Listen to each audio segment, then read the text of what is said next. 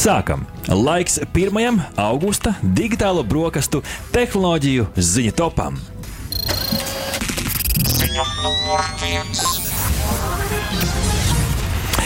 Latviešu ielu mākslinieku kolektīvs Kivi ir izdevuši savu septīto NFT kolekciju, kuras sastāv no septiņiem jaunizveidotiem mākslas darbiem Ņujorkā, ASV. Līdzīgi kā iepriekšējās kolekcijās, šī NFT kolekcija ir cieši saistīta ar zīmējumiem reālajā pasaulē. Kam pieder NFT, tam piederot arī krāsojums uz sienas, kā raksta Labs of Latvijas portāls. Līdz ar kriptovalūtām ir parādījusies viedo līguma tehnoloģija, kas ļauj blokķēdes izmantot ne tikai naudas pārskaitījumiem, bet arī dažādu darījumu autentificēšanai. Tā izskaitā, un šajā gadījumā mākslas darba īpašnieku noteikšanu eh, diezgan precīzi ar eh, kriptogrāfiskiem algoritmiem. Eh, iepriekš publicētās un nu jau pārdotās NFT kolekcijas tapušas Latvijā, Igaunijā, Lietuvā. Lietuvā, Melkalnē, Balīsalā un Spānijā, kopā veidojot 47 darbu kolekciju. Klausītāji, NFTs ir savstarpēji neaizvietojami digitālie žetoni, kas ir unikāli, neaizstājami aktīvi, tā skaitā kriptomākslas tirgū. Tā ir īpaša uzskaitas sistēma, kas reprezentē digitālos un fiziskos aktīvus un pilnvarotu īpašniekus veikt ar tiem darbības, piemēram, atdodot to citam īpašniekam vai iznīcinot. Starp citu, Tirzniecības centrā Galerija centrs atrodas Eiropā pirmā NFT izstāžu telpa Kivispace, mm. kur var iepazīties ar jaunumiem no kolekcijas.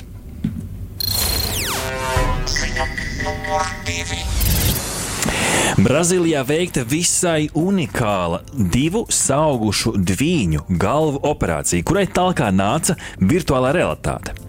Pirms kritiskās operācijas vairākus mēnešus ārstu komandas no dažādām pasaules vietām, nu, pārsvarā no Brazīlijas un apvienotās karalistes, strādāja virtuālās realitātes telpā, jeb šo vienvietus, izmēģinot dažādas uh, operācijas uh, metodes un tehnikas. Tātad sākumā virtuāli, lai pēc tam to darītu dzīvē, balstoties uz datortomogrāfijas un magnētiskās rezonanses ievāktajiem datiem.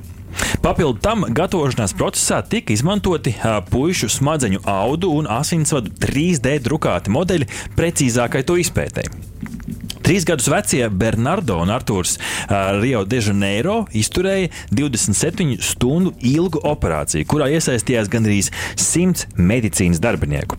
Puisi četru gadu vecumā kļuva par visvecākajiem kopā augušiem atdalītiem dviņiem, kā ziņo BBC. Saskaņā ar Bloomberg Intelligence ziņojumu Metaverse tehnoloģija nozare līdz 2025. gadam pārsniegs 800 miljardu dolāru robežu un iespējams pat pārsniegs 2 2,5 triljonu dolāru slieksni līdz 2030. gadam. Ziņa numur 3. Facebook, pasaules lielākais sociālais tīkls pēc aktīviem ikmēneša lietotājiem, pagājušā februārī pirmo reizi ziņoja par lietotāju skaita samazināšanos. Taču tagad, jaunākajā finanšu pārskatā, Facebook platformas māca kompānija Meta Incorporated paziņoja arī par pirmo ieņēmumu kritumu salīdzinot ar aizvadītā gada konkrēto ceturksni. Meta no aprīļa līdz jūnijam nopelnīja 28,8 miljardus ASV dolāru, kas arī nemaz nav it kā tik nav maz. Tik maz Tas nav noteikti tik maz. Eh, taču salīdzinot šī gada otro ceturksni ar 21. gada otro ceturksni, tas ir 1% kritums. Mazs, bet tomēr nozīmīgs. Tā arī ir pirmā reize, kad uzņēmums ir uzrādījis kritumu eh, ienākumos kopš finanšu pārskatu publicēšanas. Nu, te ir minēti dažādi iemesli - nestabilā ekonomika, TikTok izaugsmas gājiens un vienkārši reklāmas nozares sabremzēšanās, jo reklāma skaidri, eh, skaidrs no šī pārskata ir ļoti ļoti, ļoti būtisks ieņēmumu avots. Nu, Marks Zukerbergs gan kārtībā reizi vainoja Apple, jo viņiem ir pretreklāmu izsekošanas funkcija, ko gan jau ka, gan tu, gan citi kaut kur ir redzējuši, ka šis te telefons tev prasa, vai tu vēlies, lai šī lietotne tev izseko dažādās platformās. Nu, par šo visu stāsta portāls Teksport. Jā, no Facebook akcionāri jau tā nebija pārāk laimīgi, kad uh, Meta uzņēmums ieguldīja tik lielu naudu uh, šajā metaversa uh, izstrādē nu, tad droši vien arī šis viņus pārāk neiepriecina. Bet, starp citu, Facebook nav vienīgie, kam neiet spīdoši. Arī sociālai tīkli Twitter un Snap ziņojuši par nepārāk iepriecinošiem rādītājiem. Pēc statista publicētās statistikas šī gada janvārī pēc aktīvo ikmēneša lietotāju skaita top pasaules sociālajie tīkli bija klausītāji pirmajā vietā Facebook, otrajā vietā YouTube, trešajā vietā WhatsApp, ceturtajā vietā Instagram un piektajā vietā WeChat. Tā kā vēl norakstīt nevar. Lietotāji ir daudz, taču mazas maz, maz izmaiņas izaugsmas rādītājos. Ziņa numur 4.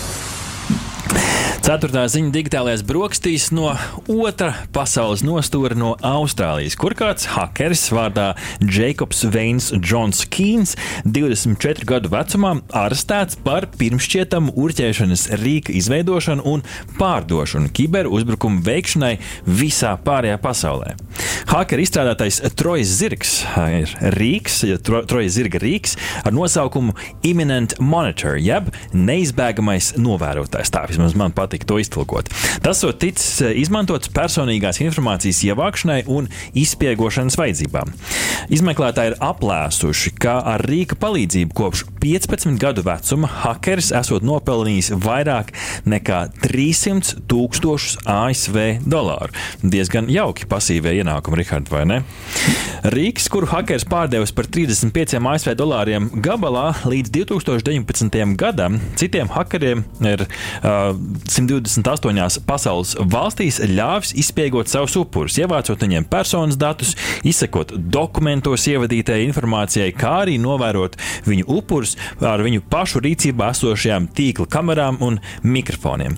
Arests tika veikts globālās operācijas rezultātā, kas tika uzsākta 2017. gadā. Vispasaules misija ar nosaukumu Operation Sifas tika uzsākta pēc tam, kad Austrālijas federālajai policijai tika sniegta aizdomīga informācija no FIB un uh, Palo Alto Networks, uh, kā stāsta tekstpāns. Interesanti klausītāji, ka izmeklētāji noskaidrojuši, ka vairāk kā 9 gadu laikā hakeris gūtos ienākumus pārsvarā esot iztērējis gatavā ēdienu maltīšu pasūtīšanai. Ah, sliņķis! Kāds biznesa plāns? Tas ir gardēds. Ne, nu, slinkums dzen uz priekšu evolūciju, vai ne? Tas jau laikam viss izskaidro. Un šeit ir interesanti, ka viņa māte arī esot aizturēta, jo viņa iespējams bija līdzzinātāja un arī varbūt iekodās kādā sulīgā burgerā. Negribēja gatavot viņam vakariņas. Ziņa numur 5. Un visbeidzot, interesanti jaunumi no Zviedrijas. Šķist, kāpēc mums varētu interesēt Zviedrijas likumdošanas izmaiņas, bet tomēr mūsu platuma grādi un varbūt arī kādu dienu kaut ko tādu redzēsim Latvijā. Par ko ir runa? Zviedrijas infrastruktūras ministrs Tomas Enerots paziņoja par jauniem noteikumiem elektroskrējējiņiem. No 1. septembra, tātad jau pavisam drīz, ar tiem būs aizliegts pārvietoties pa ietvēm. Ar mēķi tieši gājēju dzīvi padarīt drošāku un patīkamāk, kā stāsta portāls Cursors. Savā paziņojumā Enerots norādīja, ka pārvietošanās ar elektriskiem skrējējiem pa ietvēm palielina negadījumu riskus. Jaunie noteikumi paredzēs, ka no 1. septembra par braukšanu ar elektrisko skrējēju pa ietvi varēs saņemt naudas sodu, tātad Zviedrijā. Līdztekus tam šos braucamos arī būs aizliegts novietot uz ietvēm un velojoslām. Līdz ar jauno kārtību Zviedrijā uz elektroskrējējiem attieksies tie paši noteikumi, kas tur attiecās uz velosipēdiem. Jā, nu Latvijā tā situācija ir tomēr diezgan atšķirīga. Tātad šis elektroskrējēju regulējums ceļu satiksmes likumā nosaka, ka tie var pārvietoties pa gājēju ceļu, pa velospēdu ceļu vai pa velo joslu. Un, ja tas pārvietojas pa nu, šiem gājēju ceļiem, tad, protams, priekšroka ir gājējiem. Nu, starp citu, šī elektroskrējēju kontrole ir uzņēmusi apgrieziens arī pie mums. Mm -hmm. nu, nesen ziņās jau dzirdējām par daudz stingrāku šo elektroskrējēju elektroskrējēju vadītāju kontroli no policijas puses. Daudziem, starp citu, neprātīgi braucot arī reibumā. Nu, tas, tas diezgan, diezgan ir apgrūtina, man, manuprāt, to braukšanu. Mēs tā jau ar elektroskrējēju tev ir grūti izlavierēt, un tad, ja tu vēl esi kādu vielu iespējā, labāk tā, draugi, mīļie, nedariet, lai nesavainot ne sevi, ne apkārtējos, neko vēl vairāk pieklauvēt pie galda. Bet, Rihard, kā tu vērtē šos Zviedrijas ierosinātās izmaiņas nu, Latvijas kontekstā? Tu pats arī diezgan daudz braucu ar elektroskrējēju. Tātad šeit ļoti būtiska ir infrastruktūra. Ja ir izbūvēti šie veloceliņi, jeb nu, kāda attiecīgi nodalīta infrastruktūra, es domāju, ka ir ļoti normāls lēmums arī teiksim, neļaut šiem te elektroskrējējiem pārvietoties pa ietvēm. Nu, Latvijā ne visur, un īpaši Rīgā, kur tos lieto visaktīvāk, tas tā ir pieejams. Līdz ar to droši vien tiem lēmumiem ir jāiet līdzi arī inf infrastruktūras attīstībai. Mm -hmm. No otras puses, es domāju, ka daudz elektroskrējēju vadītāji tiešām ir pārgalvīgi. Gan pirmkārt, jau braucot reibumā, otrkārt, braucot ļoti ātri garām tām pašām vārtu rūmēm, mm -hmm. garām gājējiem, kur no aizmugures nedzird, ka tuvojas šis skrejtenis. Jo nu, tas jau nav ar motoru, ar, ar iekšzemes motoru darbināms, tas ir ar elektromotoru darbināms, kas savukārt nu, ir, ir daudz, daudz klusāks. Kā, uh, nu, bremzes nav arī tik labas, tieši tā, tieši tā, tā kā es domāju, ka tur ir uh, noteikti daudz tieši no tādas braukšanas kultūras, par ko būtu jādomā mūsu skrejteņu vadītājiem. Un otra lieta - skrejteņu novietošana. Tas arī ir zem katras kritikas. No, es šobrīd redzu arī gan novietojot tos ielas malās, gan trotuāru malās nestabili. Viņi nogājuši, un tad naktī braucot arī pa kādu šauru ieliņu, kur it kā tev jābrauc 20 mm. km/h, to pēkšņi priekšā var iznirt viens nokritis elektroskrejtenis. Tur var sabojāt gan skrejteni, gan arī automašīnu. Beig beigās savu dienu sabojāt, nu varbūt Protams. savu veselību. Aha! Paldies, ka noklausījāties mūsu līdz galam! Ja patika, uzspiediet laiku, atstājiet komentāru vai padalieties ar draugiem. Un nobaudiet arī citas epizodes, kā arī sekot mums, lai nepalaistu garām savu ikdienas tehnoloģiju ziņu devumu.